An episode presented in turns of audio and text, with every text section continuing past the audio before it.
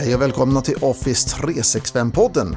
Det är jag som är Mats Warnolf och det här avsnittet ska handla nästan uteslutande om filmigrering till Microsoft 365. Vi träffar bland annat Lise Rasmussen och Marcus Hammerfjärd. Jag brukar rekommendera att man, man har en Excel-fil. Man har ju något slags tänk på sin filserver, right? Det har ju funkat hittills liksom. Så att den övergripande strukturen kan man ju då lägga in i Excel och så kan man liksom börja mappa lite det man har på filservern och få in det i Excel, kanske gör ner en liten trädstruktur där och eh, tänker igenom hur vill man ha den här nya strukturen. Pia Langenkrans är tillbaka med SharePoint-skolan avsnitt 8 och även här ska det handla om filmigrering då när jag hade gått igenom de där sakerna, alltså den där tjejen, alltså det, den glädjen och gnistan i hennes ögon när hon insåg att hon behöver inte flytta ett dokument till hela sitt liv i den här processen för att det finns funktioner. Det var en sån, det var en riktigt halleluja moment. Och så blir det som vanligt nyheter om Microsoft 365. Välkommen!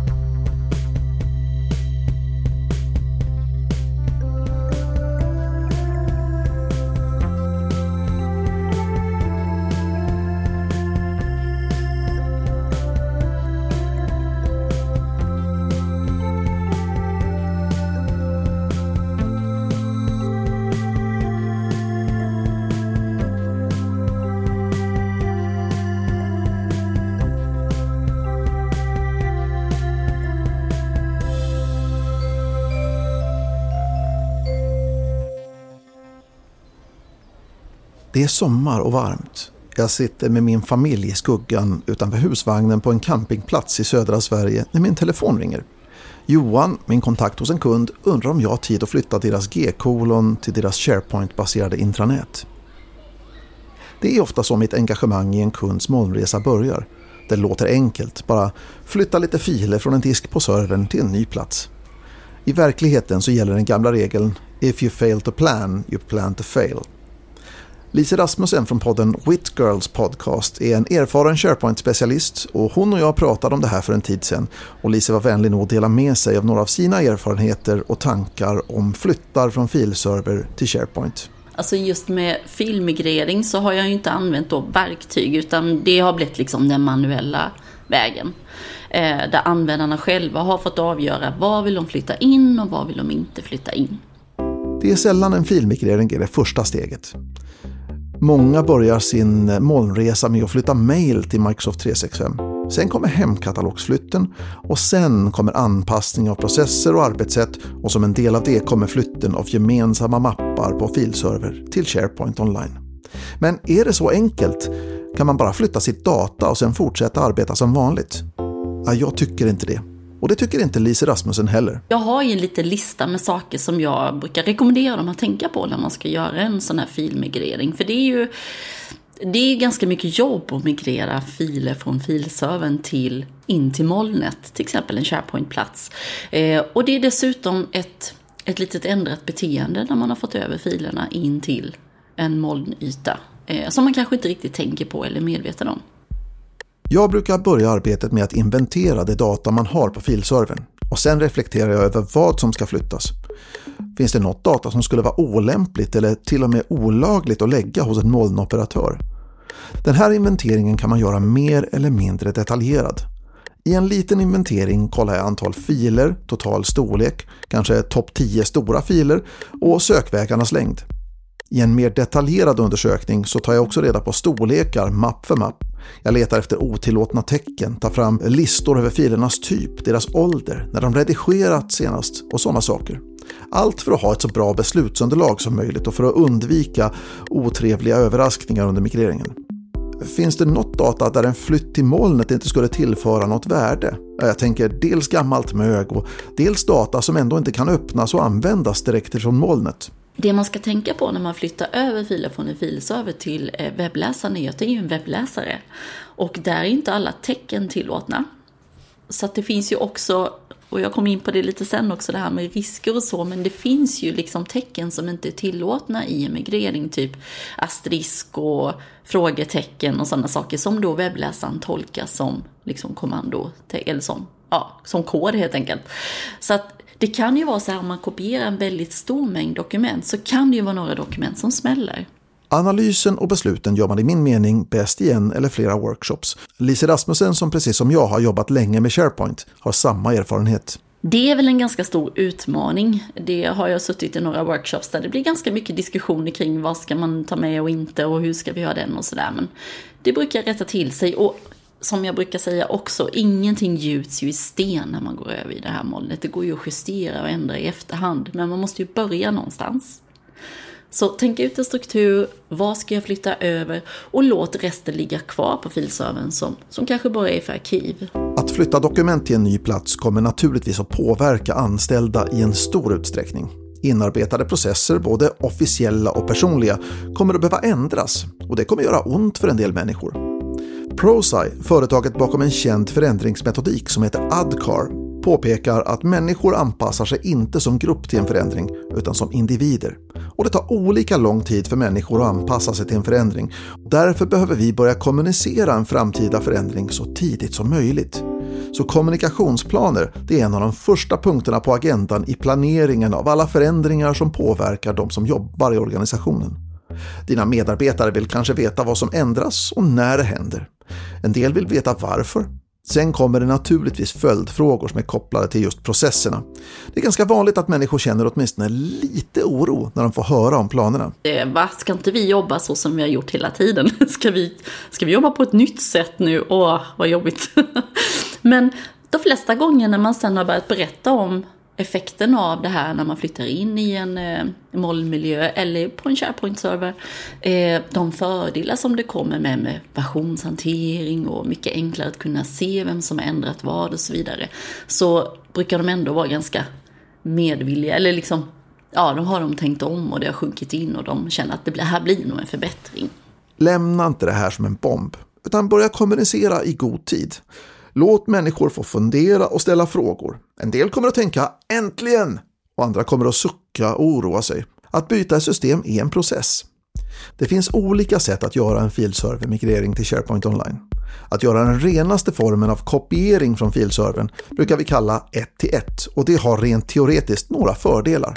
Datat ligger organiserat på exakt samma sätt så det blir lätt att hitta allting eftersom alla känner igen sig. Men det är oftast väldigt dumt att göra så.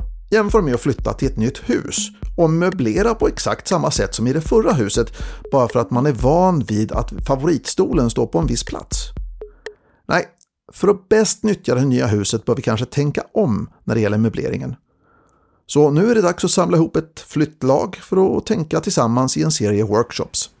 Ja, men jag brukar alltid ha så här möten eh, någon slags workshop eller någonting där man liksom då meddelar hur den här processen ska gå till och vad man ska tänka på och vilka risker man, som finns i det här, vad man ska undvika då eller vad man ska tänka på när man flyttar över sina filer. Så att det blir väl en typ av workshop när man inför en sån här filmgrej. Det är ju en ganska stor grej och folk är så vana att jobba på filservern och hur det ska fungera så att det här är ett stort steg att flytta in och flytta över i en mollmiljö. Med jobba i webbläsare istället för i utforskaren och så vidare. Så att det är ju en hel del steg involverade i detta. Och det tycker jag man behöver upplysa dem om och, så att de vet om det här inför en filmmigrering. Så, för att få ut det bästa av en flytt till en molntjänst som SharePoint bör vi kanske ta oss en titt på arbetsprocesserna. Vi gör på ett visst sätt för att det var lämpligt att göra så på den gamla filservermiljön men när vi flyttar till molnet så finns det kanske nya sätt att göra saker på som är bättre. Kanske mycket bättre. En annan sak jag brukar fråga dem är, finns det några filer som man kan tänka sig att bygga om till system? Kan du tänka dig några filer? Typ, vad är den klassiska då? Fikalistan, fikalistan, semesterlistan, tidrapporten. Eh, ja, men du vet, alla de här Excel-registren som lever där ute kan vi kanske tänka oss att bygga dem som en liten smart lista. Så att man kan få det in i, i mobilen. Man kanske kan bygga på en liten power-up. Så att man får liksom ett litet system istället. Det här kan ta en stund och den som är konsult får ofta visa vad man menar. Jag brukar tänka att det många gånger är som i Henry Fords berömda citat. Om jag frågat mina kunder vad de vill ha hade de svarat en snabbare häst. Det kan vara svårt att veta vad man vill ha innan man förstår vad som är möjligt och ibland är det så stor skillnad från dagens lösning att det kan vara svårt att ta till sig. Men att just befria listorna från att vara fångar i Excel-dokument, det tycker Lise Rasmussen att många brukar se som ett lyft. där brukar de ta till sig faktiskt, just med listor. Det brukar de gilla. De här Excel-människorna gillar list register. så när man visar något exempel, så det behöver inte alls vara komplicerat. Jag vill ofta börja keep it simple och bygga på efterhand. Istället för att smacka på massor med grejer och så fattar ingen någonting, utan ta det lite small steps liksom. Eh, så det tycker jag de brukar gilla faktiskt. Och just det här att kunna kunna synliggöra datat lite lättare som man kan göra via lists eller en lista i SharePoint. Istället för att ha det i en Excel-fil som alla måste öppna och redigera. Och då menar jag egentligen sådana filer där det är många som är inne och samarbetar. Så att kan man göra det till en lista, ni får versionshantering på varje rad, ni kan se vem som har gjort vad. Man vinner massa saker med att göra om det till en lista. Det, det brukar gå hem. Så att jag tycker att de ska tänka till lite när de flyttar över från en fil in till en molnyta eller en serveryta eller en sån här en SharePoint serveryta eller vad det nu kan vara. Att man liksom tänker till lite med sina filer och inte bara, inte bara fortsätter med samma beteende på den här nya platsen. Så en djupare titt på destinationen är en viktig sak. Att inte bara göra den där ett till ett kopieringen utan fundera på hur vi kan åstadkomma en förbättring och inte bara en förändring. Många företag bestämmer ju kanske då att nu sätter vi en deadline för när filservern ska stängas ner och ofta stänger de inte ner den utan det menas då att man låser den i läsläge. Eh, det är väldigt bra att sätta ett datum så folk börjar tänka att oj nu är det dags att jag börjar liksom ta tag i mina filer och då kan man inte längre liksom redigera eller lägga upp filer på filservern så då måste man liksom flyttas över in i en ny miljö. Och för att kunna göra det då så är det ju bra att man tänker ut vilken struktur vill man ha på det nya stället man går till.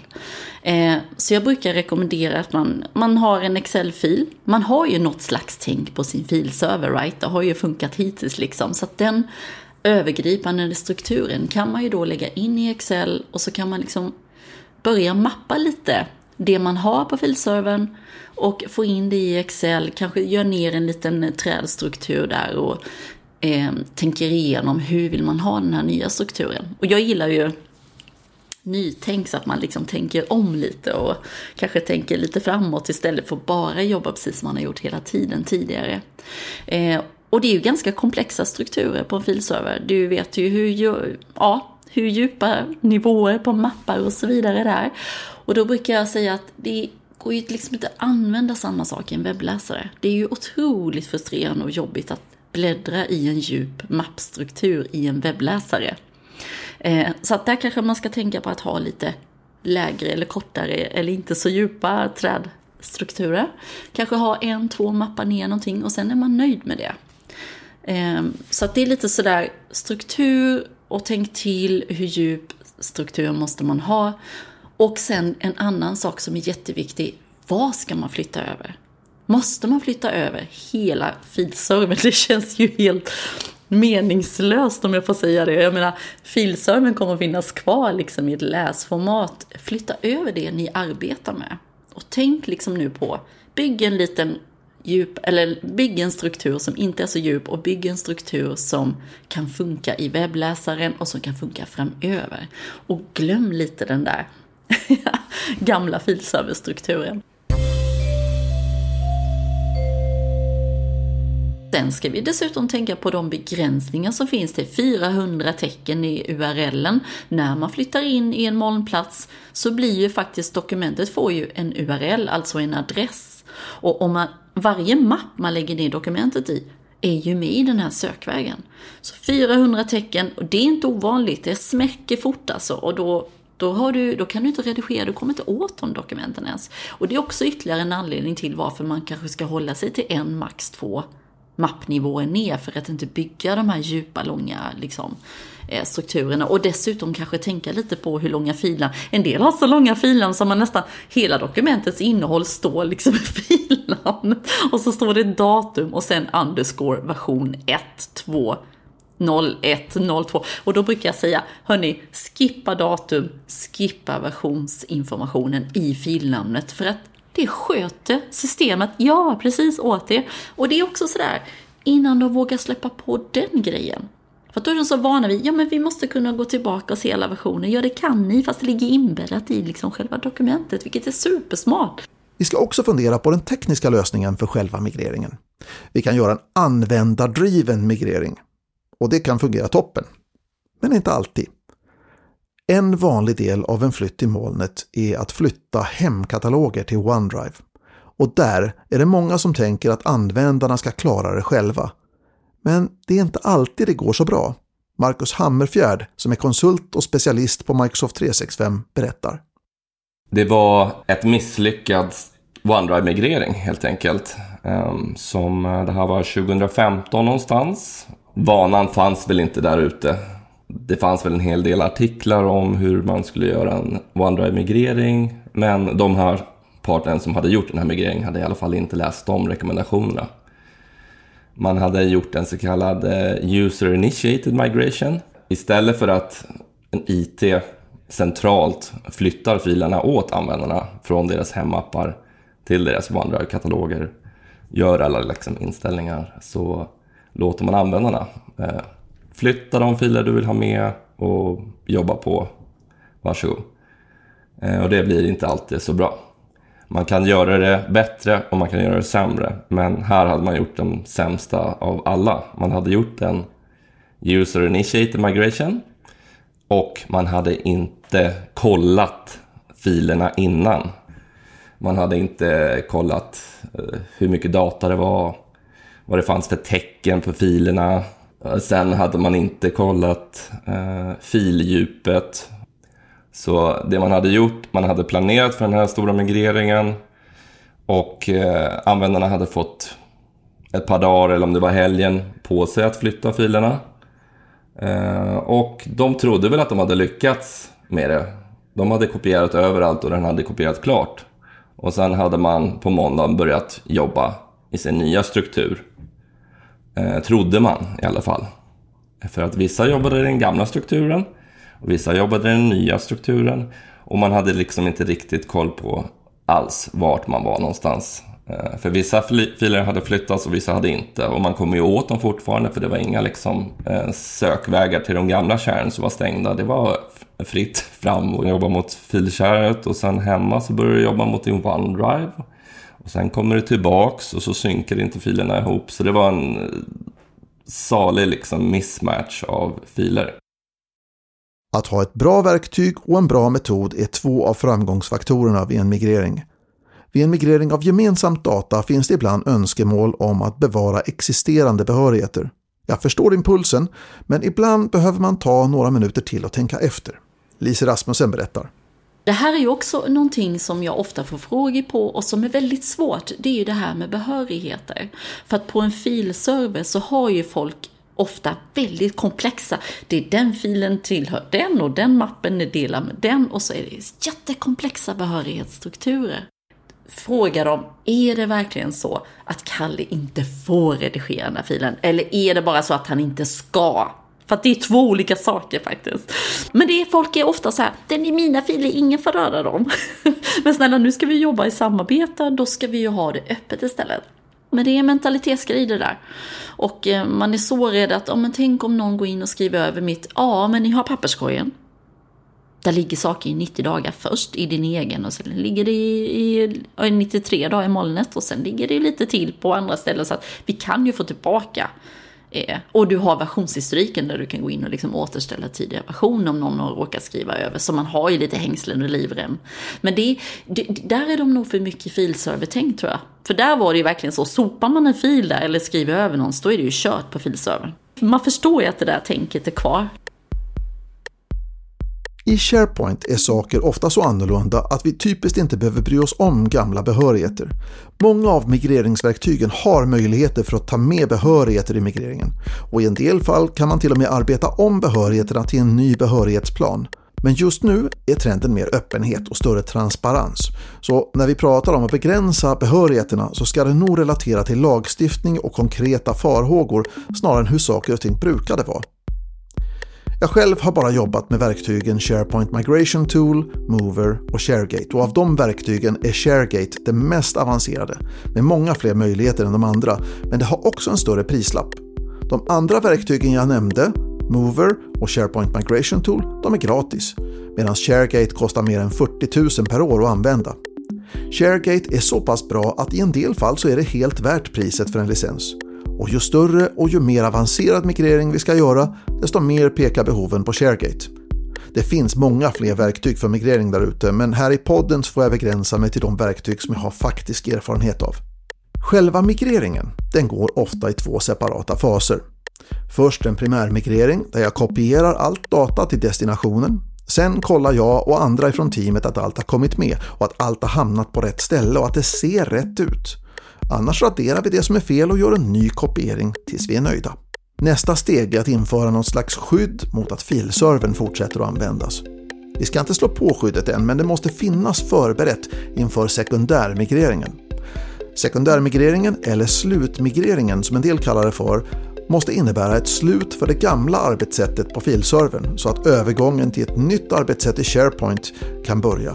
Då måste den också vara sjösatt och sjövärdig för den delen innan vi kan göra sekundärmigreringen.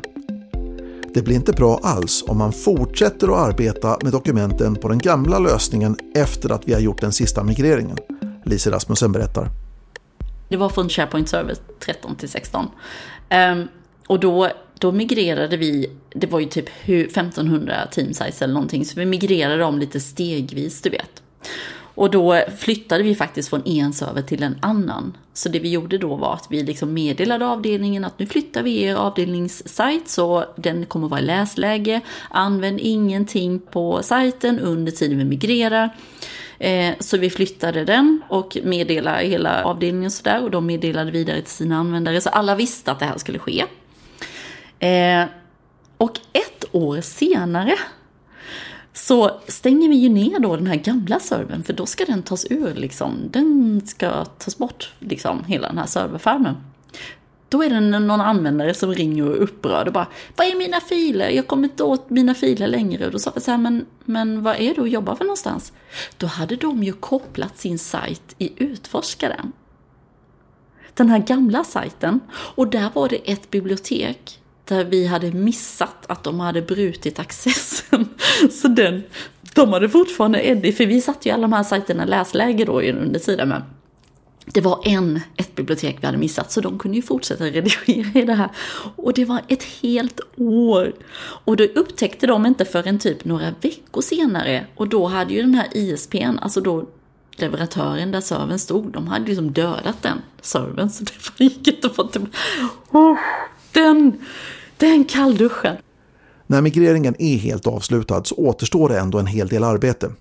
Att verifiera att allt gått bra innebär att läsa loggar för att upptäcka det vi inte uppfattade som ett problem under själva inventeringen eller migreringen och lösa de problemen. Om vi missat i planeringen och förberedelserna inför migrering, ja då kan det vara ett stort jobb att städa. Marcus Hammerfjärd berättar. Jag fick en lista. Jag varit inkallad till den här kunden och tog emot några tekniker som inte ja, hade så stor plan på vad de skulle lösa det här. Så att jag fick helt enkelt en lista på nästan alla användare som hade problem. Och så fick jag liksom gå till användare efter användare och försöka lösa det. Och det var en 20 olika typer av fel. Eh, det mesta var med det här fildjupet och otillåtna tecken. Och eh, sen att pussla ihop då varje användares mapp och se vilka här var nya och vilka var gamla. Den här ligger på ditt share, den här ligger på din OneDrive. Eh, det tog ett litet tag att lista ut men det slutade med att vi körde Robocopy med en 12 olika växlar. Det var liksom XO för older files och slash SD, X. Ja, alla de där varianterna.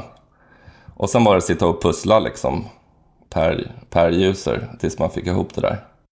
När allt efterarbete i den tekniska migreringen är klart, ja då ska vi koppla på de saker som vi planerat att använda bland SharePoints smarta funktioner. När man flyttar från filservern in till till exempel SharePoint Online eller OneDrive, då har man ju faktiskt helt plötsligt möjlighet att dela sina filer externt med kunder, partners och så vidare som man, som man inte har på filservern. Också ytterligare en sån här trigger till varför man ska sluta använda filservern och gå in i det här. För att då kan man ju och då kan man också börja designa Eh, och tänka efter vilka sajter ska det här in på om det ska kunna delas externt och ska vi, vad ska vi ha för liksom restriktioner på våra sajter. Så att det ska man också ta in i det här strukturarbetet. Ska vi ha så här sensitivity labels på, hur ska vi få lov att eh, dela de här filerna och ska man göra det via Teams, ska man göra det via OneDrive, var får vi dela vad och så vidare. Det finns ju otroligt mycket möjligheter så det är faktiskt ytterligare en aspekt som gör att det är smart att flytta över sina filer och sluta använda filservern. Dessutom en annan sak är ju mallar. Folk har ju mycket mallar där ute. Och då är de så här, ja men vi lägger dem i ett bibliotek. Och då brukar jag säga att, ja men om du lägger dem i ett bibliotek, då är ju risken jättestor att den som öppnar den här mallen skriver över den med sin egen information.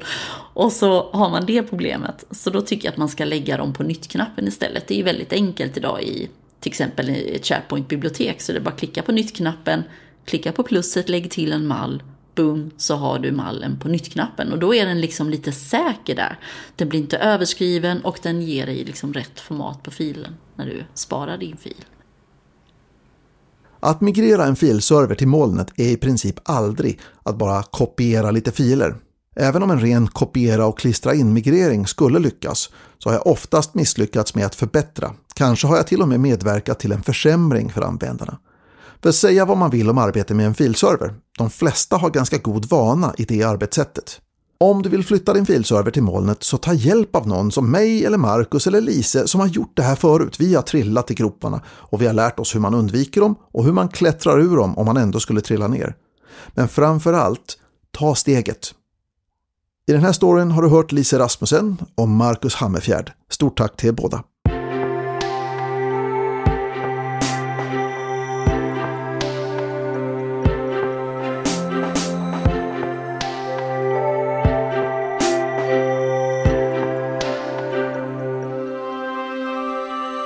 Välkommen till SharePoint-skolan avsnitt 8 där jag och Pia Langenkrans pratar om filmigrering till Office 365. Du har ju också varit med och gjort en massa så här filmigreringar och, sånt. Den traditionella molnresan tror jag företag gör, det brukar ju vara så att man först, först så man lite mailboxar Eh, och därefter så flyttar man folks hemkataloger till OneDrive for Business. Och sen då i tredje fasen då, då man börjar titta lite grann på det här med arbetsprocesser och nya arbetssätt och sånt där. Då börjar man fundera på om vi kanske ska flytta de här gemensamma mapparna från filservern till eh, SharePoint-sajter istället. I, I, min erfarenhet så är det som att du aldrig kommer ut den där sista fasen för du hittar alltid flera olika dokumentlagringsplatser. För man säger så här, jaha, så hade vi G och sen så är det någon som har samarbetat med en kund i kanske någon annan molnapp eller eh, så dyker det upp de här jättegamla grejerna men vi har ju en FTP också och vi har lite annat roligt.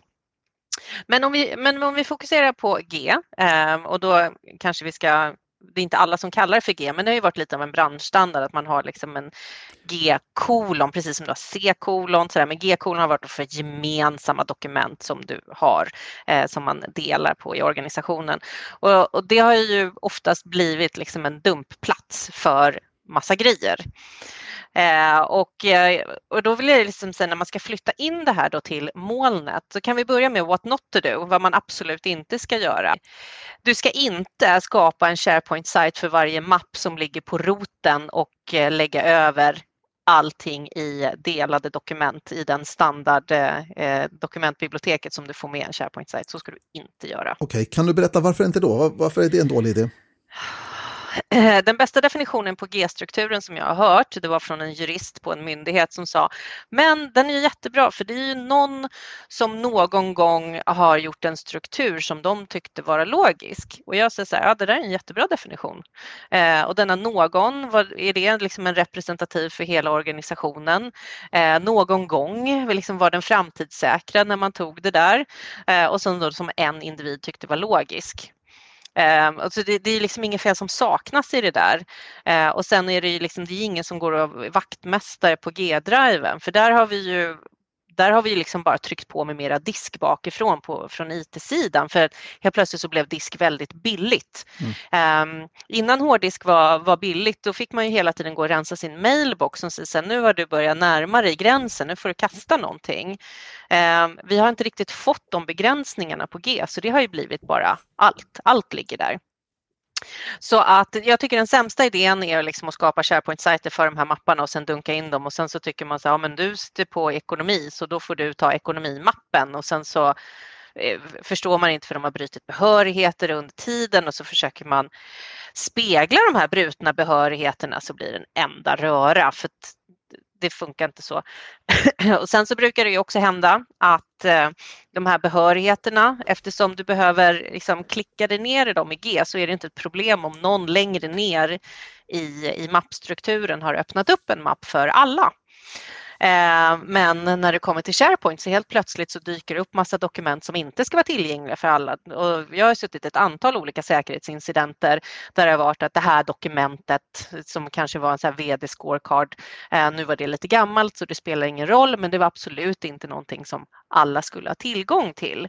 Men det dök ju upp liksom i Delv sådär och bara, får alla det här nu? Och sen den, den, andra strategin som också är en jättedålig idé, det är att tvinga folk att rensa på G innan man ska flytta. Eh, för det här är ett evighetsarbete som, eh, som tar alldeles för lång tid. Alltså om vi nu tänker på att vi ska vara effektiva och spara tid i framtiden, att gå igenom de här senaste 15 årens dokumentdumpning. Alltså det är som att tänka sig att man skulle liksom, att vi, vi skulle ha en gemensam vind för hela huset där alla får lägga in saker och sen när det flyttat ut och flyttat in folk så har du liksom i de här kartongerna som säger vi behöver gå igenom det här. Man bara, ja, eller, eller det finns bättre sätt att göra det på. Alltså det är, många har ju betraktat, eller vad ska man säga, även om det har funnits en, en bra plan eh, och det har funnits en, en tanke och en struktur och alltihopa där ursprungligen, så med tiden så har det blivit lite digital schaktmassa. Att man liksom, det är där man dumpar in saker och ting som man inte vet vad man ska göra med i övrigt då. Och mm. ibland så är det så att den här, det, finns ju, jag har träffat på företag som har varit oerhört strukturerade runt sin G-kolon och sånt där. Och där finns liksom ingenting som egentligen är obsolet eller out of date eller någonting sånt där. Utan de har, liksom, de har skött det. Uh, nu ska vi se. Nu går du och kollar i en bok här Mr. vad han heter. Mr. Ruben Gotts. Precis. Som mannen okay. som ligger bakom boken Practical SharePoint 2010 Information Architecture. Eh, ja, Page Turner. Ja. ja, precis. Ja, men den är faktiskt ganska bra och den hänger fortfarande kvar. Eh, den är, det, vad ska man säga, grundidéerna bakom den hänger kvar. Men han mm. pratar ju om det här köret och han, han uppfann en term, tror jag det var, som var putability. Findability. Find, ja, findability handlar om att eh, jag ska snabbt kunna hitta någonting. Putability innebär att jag snabbt ska förstå var jag ska stoppa in någonting. Eh, och det är där som det oftast havererar, det vill säga vi är jätteduktiga och vi kan använda oss av sökfunktionalitet och så vidare då när vi ska hämta ut saker och ting. Men när vi ska stoppa in saker och ting på rätt ställe, hur länge letar vi då innan vi bara sätter dokumentet någonstans? Mm. Jag menar, när jag behöver ett dokument då letar jag tills jag hittar det. Men nu sitter jag här, jag har just skrivit ett nytt dokument, eh, mina kollegor tjatar på mig för att vi ska gå på lunch och jag måste snabbt spara det här någonstans. Hur länge letar jag efter ett ställe? innan jag bara sparar det någonstans. Och då du sparar först på ett tillfälligt ställe som kanske är på skrivbordet eller liksom eller på din OneDrive gör. eller Precis. du mejlar det till någon eller det här man mejlar till sig själv. Eh, och sen så försöker man hitta något ställe så, så har du samma dokument på tre olika ställen. Eh, mm. och, det egentligen, och egentligen så spelar det inte så stor roll därför att man har sin fina organisation på sin filserver och så vidare och sen så eh, sex månader senare så kommer någon sommarjobbare eller någon praktikant någonstans och bara havererar och liksom gör mm. kaos på det. Eh, så eh, det, det, med tiden så har även de mest välstrukturerade G-kolon, de har en tendens att bli lite digital schaktmassa. Där mm. ligger massor med saker och ting som vi kanske inte borde ha kvar, saker och ting som vi kanske inte får ha kvar, mm. saker och ting som, ja, you name it. Ja, och det, och det där är ju lite liksom i det här senaste skiftet för att eh, den juridiska risken förut var ju att slänga någonting som vi behövde. Nu har vi en juridisk risk i att vi behåller någonting som vi inte får ha längre. Precis. Eh, så det är ett problem. Eh, och den här du kallar för digital schackmassa, jag brukar kalla det för grå data. Det är liksom så här, vi vet inte vad vi har, vi vet inte vem som äger det, vi vet inte om det är viktigt, vi vet ingenting. Um, och där är också samma sak apropå liksom bad practice när man då inför så här labels eller någonting uh, och man sätter ett standardvärde på liksom så här, typ mitten, internt, dokumenten och sånt där. Där vill jag säga att alla som sitter och jobbar med det här just nu, lägg till ett standardvärde som är ej klassificerat. För att vi behöver faktiskt veta vad det är som vi inte har värderat ännu och vi behöver ta liksom den här grå datan och sätta, vi vet inte vad det här är ännu. Så det är liksom så en sak som kan rädda folk ifrån eh, väldigt mycket. Eh, men sen också för att eh, eh, tänka liksom på den här, men nu har vi pratat om massa grejer som är dåliga. Vad som är bra, eh, det är ju att du först tittar på hur framtiden ser ut. Ehm, och där gillar jag det här det här nya sättet att organisera sig i processer eller liksom när man har kundresor eller säljresor eller vad det är nu som driver din verksamhet framåt. Pratar vi om myndigheter så är det ju liksom hur man uppfyller regeringsbrevet eller vad det nu är, att man tänker på vad är det som vi gör där? Och då att man tar den processen och tittar på okej, okay, vad är det för olika steg vi har i de här processerna? Eh, var föds våra dokument? Eh, var blir de färdigställda? Eh, och när ska de eh, sparas in i evigheten eller raderas? Eh, om vi då tar ett enkelt exempel, om vi tar en offert en offert, jag, jag, jag, skriver någonting på den eh, och då är det en utkast. Eh, sen har jag tagit det kanske till min säljchef eh, och, och, skickat igenom det i vårt CRM-system eller någonting, eller bara på mail. Ja, men då har det ju uppstått någonting, för då, då har det ju blivit officiellt, för nu har vi skickat det till kunden. Då, då spelar det ingen roll vad som händer efter det. Det här är ett juridiskt dokument som vi måste ha. Det kanske till och med står så här giltigt i tre månader. Ja, så då måste vi spara det i tre månader. Eh, om det inte blir någon affär, då kan du slänga den efter tre månader. Men du kanske vill behålla den till den här kunden så kan man sätta det på att ah, men det här ska då behållas i, i två år. Eh, för efter det så är det inte så relevant. Även om du har en bra relation med den kunden så är det inte så relevant att behålla det dokumentet. Det blir fortfarande bara brus. Du kan inte använda det till någonting. Eh, men om kunden bestämmer sig för att köpa och man inte upprättar något annat avtal då, blir, då får ju den här en avtalsstatus och då ska vi behålla den här i tio år efter det har signerats eller in i evigheten. Det beror lite på vilken typ av affär man har. Eh, och när det då kommer till den här statusen, avtalsstatusen, då ska den ligga på en plats där ingen kan redigera den, där alla kan söka på den och gärna då kunna söka på liksom, den här kunden. Kanske någon annan metadata som varje för ordervärde eller något kul. Det beror ju lite på. Så när man har då dragit upp den här och då säger så här, använd en whiteboard, ta de här olika faserna, liksom använd post-it-lappar och bara här uppstår det, här har vi ett godkännande flöde, här har vi, här ändras status på det här dokumentet och om det här händer ska det raderas eller det här händer ska det läggas på den här andra platsen så gör du det för dina kärnprocesser. Och så sätter du upp det här i din Teamsmiljö som det är nu för att arbetsmaterial ska ligga i våra Teams. Det är där vi jobbar tillsammans mot ett gemensamt resultat. När det har fått den här andra statusen så ska det läggas i ett arkiv. Och arkiv är inte ett annat ord för att radera. Det är inte ett fult ord, det är ett vackert ord. Det är liksom tack vare arkivet som Indiana Jones alltid hittar stenarna och vad det nu är. för där hittar man godiset. Vänta nu här, fort... jag vill minnas att det står så här, X never ever marks the spot. Ja. ja. och sen bara, vad är det där? X marks the spot. Precis. Okej, okay, tillbaka. Yes. Ja, Nej, men, och, och, då kan du liksom i det här arkivet då kan du lägga till det som en flik i ditt team så du fortfarande kan titta i arkivet. Det är fortfarande någonting som vi använder för att eh, titta, läsa, referens. Vi vill ha det här tillgängligt. Men du ska inte kunna gå in och ändra i det. Det, det är klart. Eh, och så när du har satt upp den eh, processen och de sakerna och nått de här olika stadierna och då, då är det lättare att liksom bygga upp en bra struktur.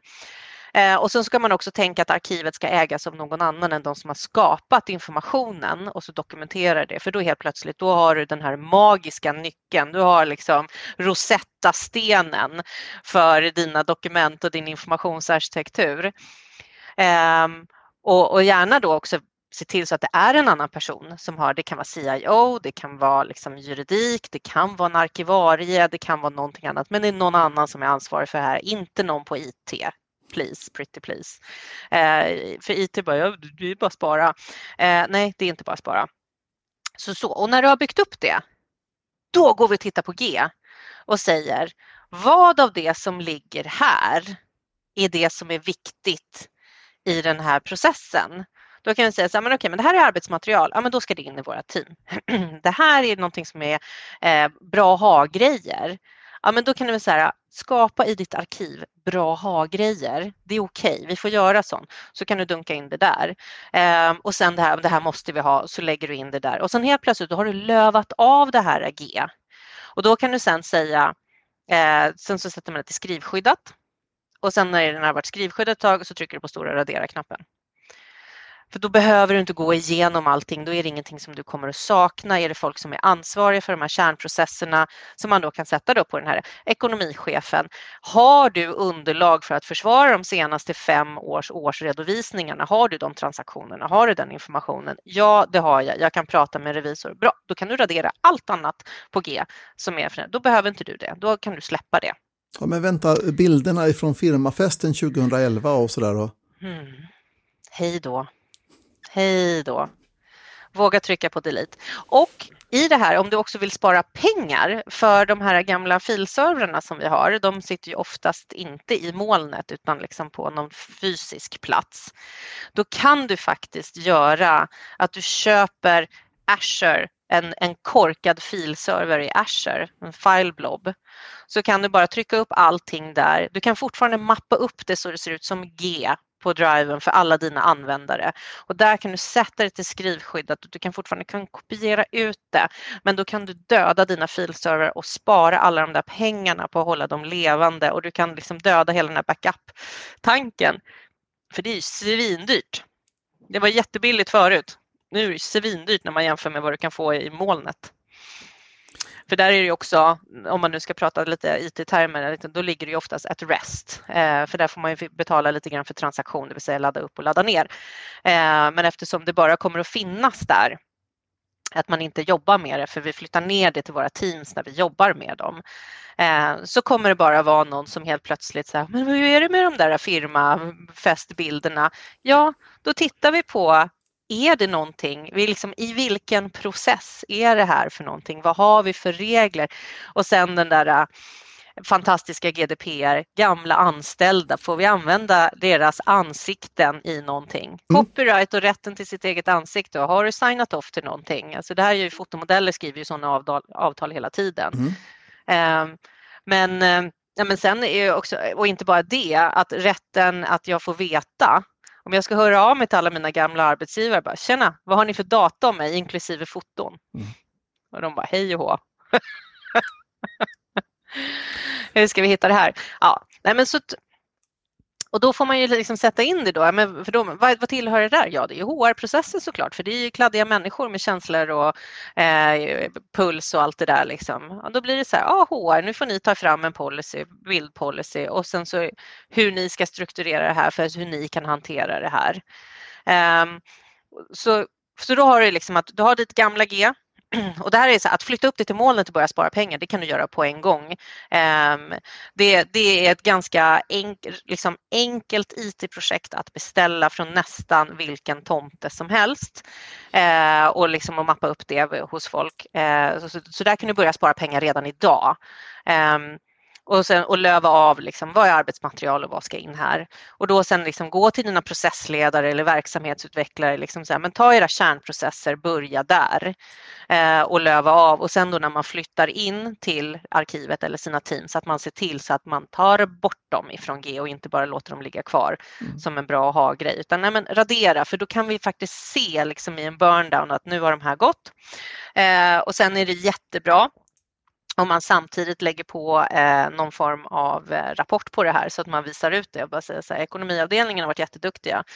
Kommunikation har hur mycket bilder som helst och de har inte flyttat några dokument alls. Those are the bad guys. PMO släpar. Eh, men de har börjat röra på sig. Vi IT-människor, vi är inte heller liksom, eh, står över kritik på något sätt. Herregud. Eh, och det här tycker jag också är lite roligt för att eh, IT-människor har ju någonstans fått på sig den här hatten för digital transformation eh, som inte hör hemma hos IT överhuvudtaget. På något sätt? Nej, det, är, det, det, behöver vara verksamhetsutvecklare med en, en viss IT-kompetens som ska göra det här. Och nu känner jag liksom att från allt stryk som jag har fått i min karriär eh, så har jag börjat närma mig som en verksamhetsutvecklare med IT-kunskaper. Eh, men jag, jag kommer ju från ettor och nollor, det var ju det som var min grej. Men det är också positivt att man har lite koll på liksom så här, men okej, vad finns det för olika arbetsområden. Jag hade idag en coachingsession eh, med eh, eh, en av mina kunder när vi pratade faktiskt om planner. De var så här, ja, men vi behöver inte ha så här styrt och jobbar folk verkligen så här? Ja, men, men det handlar inte om du eller jag är avslappnade. Vi kan vara avslappnade i ett samarbete som är så här, hur ska vi jobba det här projektet? Eh, sen i ett annat samarbete, så här, hur ska vi kommunicera ut till hela organisationen kring de här lösningarna vi har? Där får vi inte ha fel. Där behöver det vara väldigt strukturerat. Sen är det ganska skönt att man kan stå, stå på båda fötterna, men det är ju så att man kan inte bara välja ett sätt. Eh, och jag gillar lite de här schablonerna liksom med Alltså som jurister som struntar i processen för de är kvalitetsfokuserade. Mm. det, det, ska vara rätt och riktigt och sen så har man sälj som bara vill nå i mål så att det liksom, då får det inte ta för lång tid. Och de här konflikterna är ju naturliga och de är bra att ha för att det är det någonstans när man når de här optimala lösningarna. För att har vi aldrig några konflikter i, i vår organisation, då har vi antingen för mycket pengar eller för mycket tid och då kommer det så småningom gå åt pipsvängen. Sen så kommer det faktiskt ner till just de här ettorna och nollorna eh, med de här dokumenten. Och jag kan säga så här, eh, sluta med drag and drop Eh, när du migrerar. Använd ett verktyg eh, och om du tycker liksom så här, men det där verktyget var lite dyrt, det kostar flera tusen och man bara, mm, du kommer vilja ha de där flera tusen. Eh, det kommer spara dig så himla mycket eh, för det behöver köas upp i tid. Molnet kan inte ta emot hur mycket som helst, alltså du får bara så många gig i, i minuten, timmen, vad det nu är. Eh, det är lite olika. och det här har inte med Microsoft att göra, det här gäller för alla molnlösningar och allting. Alltså det, för det ska ut över, över nätverket. Eh, så där behöver man ha den här tekniken där man verkligen kan köa upp saker, man kan köra saker i batchar och man kan göra lite koller. Eh, sen har du den här, för att för att om du bara sitter och tittar på din G och bara jag ska flytta alla mina dokument in hit, vad händer då? Jo, jag blir författare på alla dokument och det blir bara den senaste versionen. Mm. Så att om du vill ha någonting, något policydokument eller något sånt där, de gamla versionerna, ja, det, det funkar inte med drag and drop. Det funkar inte på något sätt förutom om du har ett verktyg. För att alltid när du flyttar ett dokument så försvinner versionerna Mm. Jag, jag, tror att den absolut viktigaste saken som du säger där, eh, utifrån mitt perspektiv och min erfarenhet, är ju att den som flyttar annars blir ägare av allt. Det ser ut som alla dokument är skapade nyss och det var mm. du som skapade dem allihopa. Ja. Mm. Och, då, och, hur ska man då kunna söka ut? Ja, men jag tror att det, det här var en kund som vi jobbade med för tre år sedan. Mm. Eh, och då vi jobbar den här, för jag menar, har du med, med en original metadata så kan du säga att ja, det skapades av någon inom den här delen av organisationen eh, och kanske pratade om det här. Allt det försvinner. Mm. Så då har du verkligen skapat dig en, en, en, fantastisk grå data som är helt horribel för, för en verksamhet att gå igenom. Um, och, sen, och även då när de flyttar från andra, e-, liksom andra Enterprise Content Management system som du kanske har för dokumentlagring, kvalitetssystemen och sånt där, där det är möjligt att få med lite metadata och sånt där. Det är bra också att man verkligen tänker igenom vilka dokument behöver jag ha mer versioner på? Eh, och liksom den här, men vi, vi skiter i det, vi tar alla, det är inte okej. Okay. Utan då behöver vi gå tillbaka till våra processer igen. Är det viktigt att i det här arbetsmaterialet att vi får med alla versioner? Nej, det är inte viktigt. Eh, har vi liksom inköpsdokument, är det viktigt att vi får med versionen där? Ja, jag tycker nog att det kan vara det om man då ska gå tillbaka och titta på under en förhandling vad som har kommit fram och tillbaka. Där kan det vara relevant. Eh, och om man har andra viktiga dokument som eh, eh, eh prislistor och sånt, man behöver vissa förändringar som har gjorts över tid. Ja, det kan också vara relevant att få med sig versionerna. Men inte bara ta ett beslut att nej, vi tar med alla versioner för alla dokumenttyper. Eh, det, det är slöseri med projekttid, eh, definitivt. Eh, och sen också så vill jag bara slänga ut en sån lite, var snäll mot oss IT-människor när era filer är korrupta. Det är inte vårt fel. Det är inte vårt fel. Ja, vi har inte varit där och skruvat till dem personligen för att de ska bli knasiga liksom. Utan det är, nej, nej, för det kan finnas fel på filen när de säger så att den här går inte att öppna och då bara, jaha, då får du fixa det. Du bara, den är korrupt, jag är ledsen, den går inte, den är Precis. död. It's liksom. gone. Mm. Nu är datat i molnet. Eh, Nu kommer vi till nästa steg som är egentligen är det mest intressanta. Om vi hittills liksom har jobbat, man kan ju se hela migreringen som en slags förberedelsetid. Men när man väl har flyttat över då datat i molnet, kan jag bara fortsätta jobba? Jag behöver, är det enda jag behöver göra? Jag behöver flytta så att datat ligger någon annanstans och sen så jobbar jag vidare som vanligt, eller? Nej, alltså det är ju det, är det här som jag kommer tillbaka till just att göra den här processkartläggningen. Säg vad dokumenten ska vara. För just det, här, det är som du sa, putability. Eh, för att om jag då har helt plötsligt blivit ja, men en junior säljare och så säger jag jobbar här på en offert och sen så nu har jag skickat iväg den. Ja, bra, titta på den här. Hur, hur ser det ut hur vi jobbar? Nu ska den ligga på, i, i vårt säljarkiv. Mm. Liksom, och upptaggat med kunden och ordervärdet och datumet som du skickar iväg den. Ja, det, betyder, Inte så svårt. det betyder att man behöver börja rota lite grann i processerna eh, på företaget. Alltså att det, det räcker inte med att, att, jag brukar beskriva det så här för kunden, att flytta saker och ting till SharePoint eller till vad man nu väljer för molntjänster och whatever då, det är egentligen en förutsättning för det som är det götta, det som ska komma härnäst, nämligen att vi kan Mm. skruva lite på processerna. Och göra dem mer moderna, mer tillförlitliga, lite mer lättare, lättflytande processer. Mm. Ja, för du har ju så mycket möjligheter eh, att automatisera saker, men du kan inte automatisera en, en process som inte existerar, eh, för då blir det bara fel. Alltså, det, det, det, vi kan inte sätta steroider på saker som inte funkar, för då gör de ju större skada. Eh, jag, jag hade en, en annan coachingsession med en annan kund där de var så här, ja, men vi, här har vi ett team där vi jobbar med att förbereda de här styrelsemötena eh, och sen så flyttar vi hit för när styrelsemötet är genomfört och sen så flyttar vi hit det för det ska vara tillgängligt efteråt och jag var så här, mm, vi kan lösa det här i SharePoint med godkännande och att man, eh, att bara vissa får se utkast. Ehm, och då när jag hade gått igenom de där sakerna, alltså den där tjejen, alltså det, den glädjen och gnistan i hennes ögon när hon insåg att hon behöver inte flytta ett dokument till hela sitt liv i den här processen för att det finns funktioner. Det var en sån, det var en riktigt hallelujah moment. Ehm, för det är ju så här, vad vinner vi på det här? Eh, vi, vi vinner så otroligt mycket. Putability, findability, det blir inte så mycket lagring. Vi kan helt plötsligt liksom ha full kontroll på de här lagliga kraven som var och det är inte bara GDPR utan vi har ju liksom aktiebolagens lagen och vi har eh, liksom alla HR-grejer och för anställda och, Och sälj och branschspecifika regler och ja. Ja, precis för branscherna. Så det är ju, då, då kommer vi känna oss trygga Eh, med hur vi lägger data, var vi hittar data eh, och vi, vi kommer också känna oss, eh, liksom att, och, och när vi är trygga då jobbar vi ju snabbare. Och när vi jobbar snabbare och alla jobbar likadant så kommer det att funka, då blir det väloljat.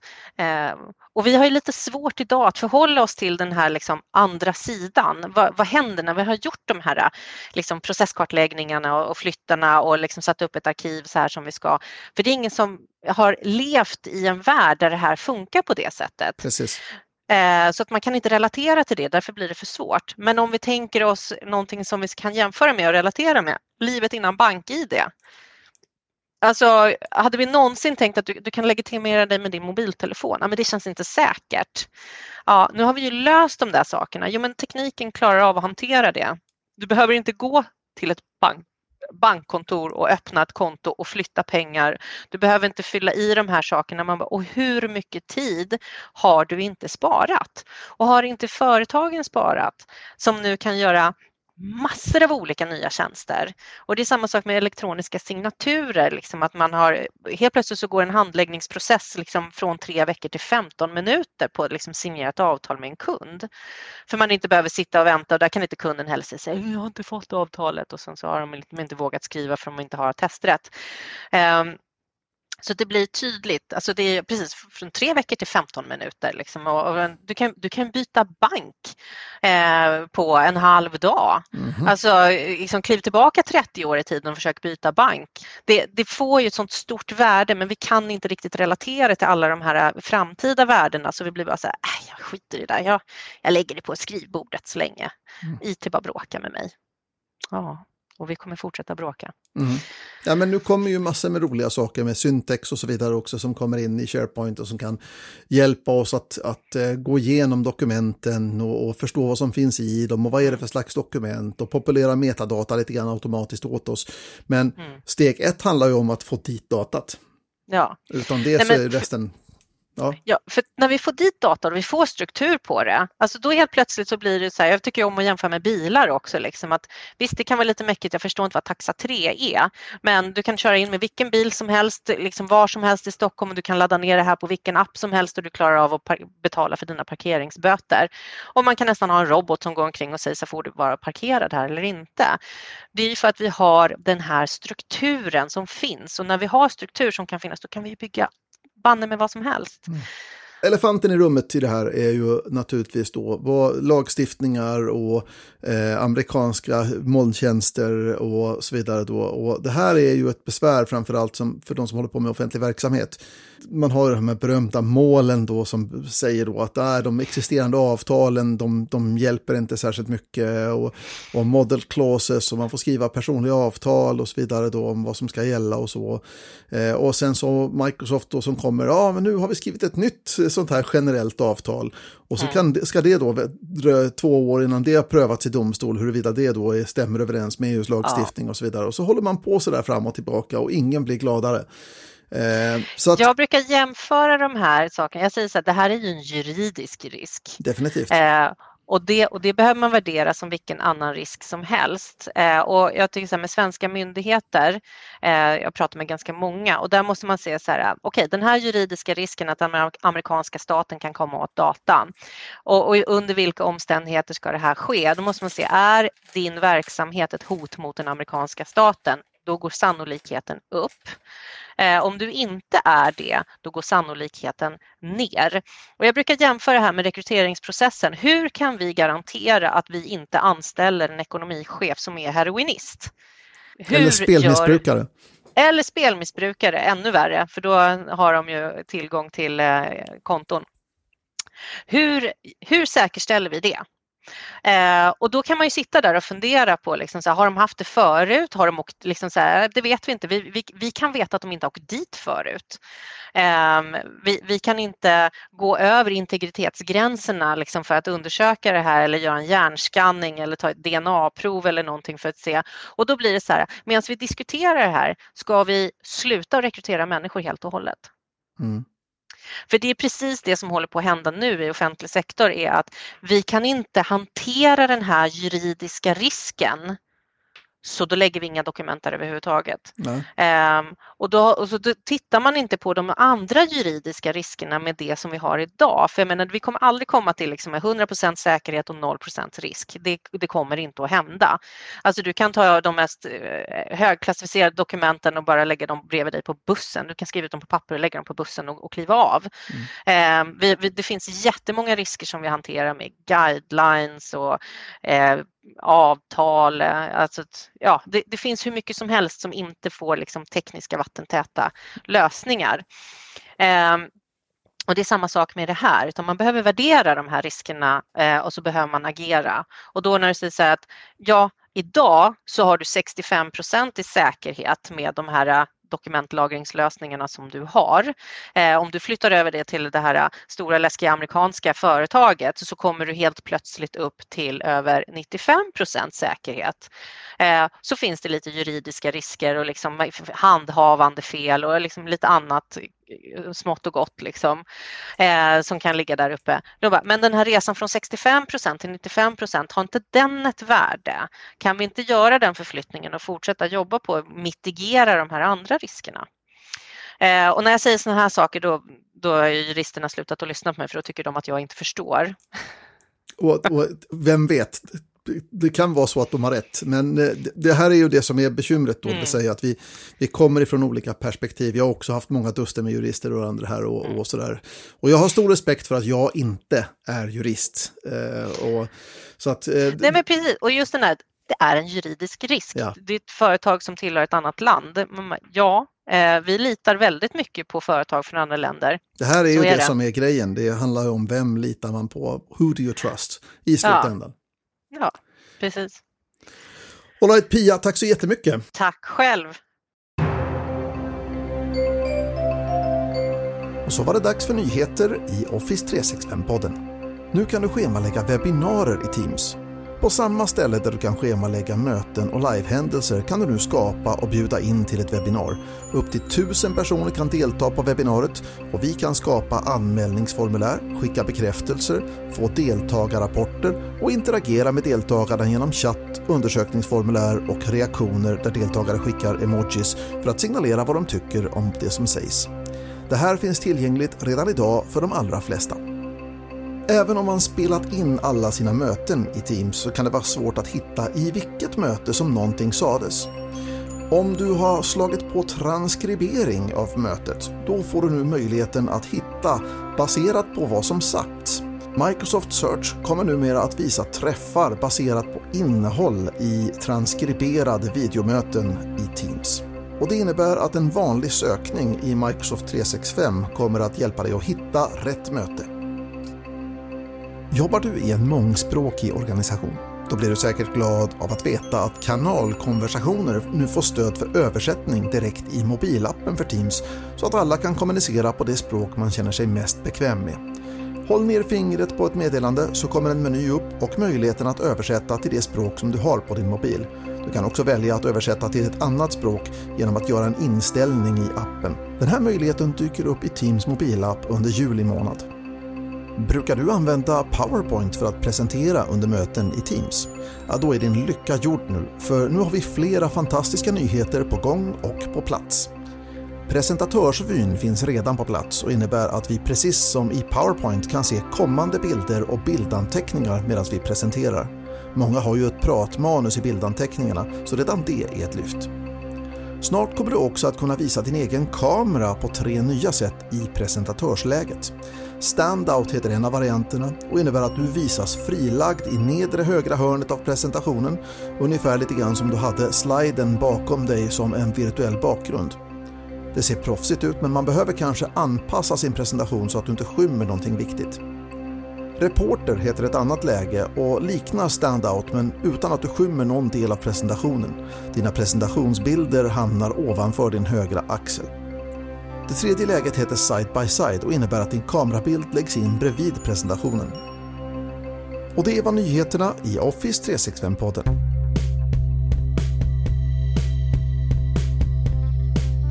Du har lyssnat på Office 365-podden. Det är jag som är Mats Warnolf. Stort tack till Pia Langenkrans, stort tack till Lise Rasmussen och stort tack till Marcus Hammerfjärd som var med och pratade om filmigrering till Microsoft 365. Ha en riktigt bra vecka. Vi hörs igen. Hej då!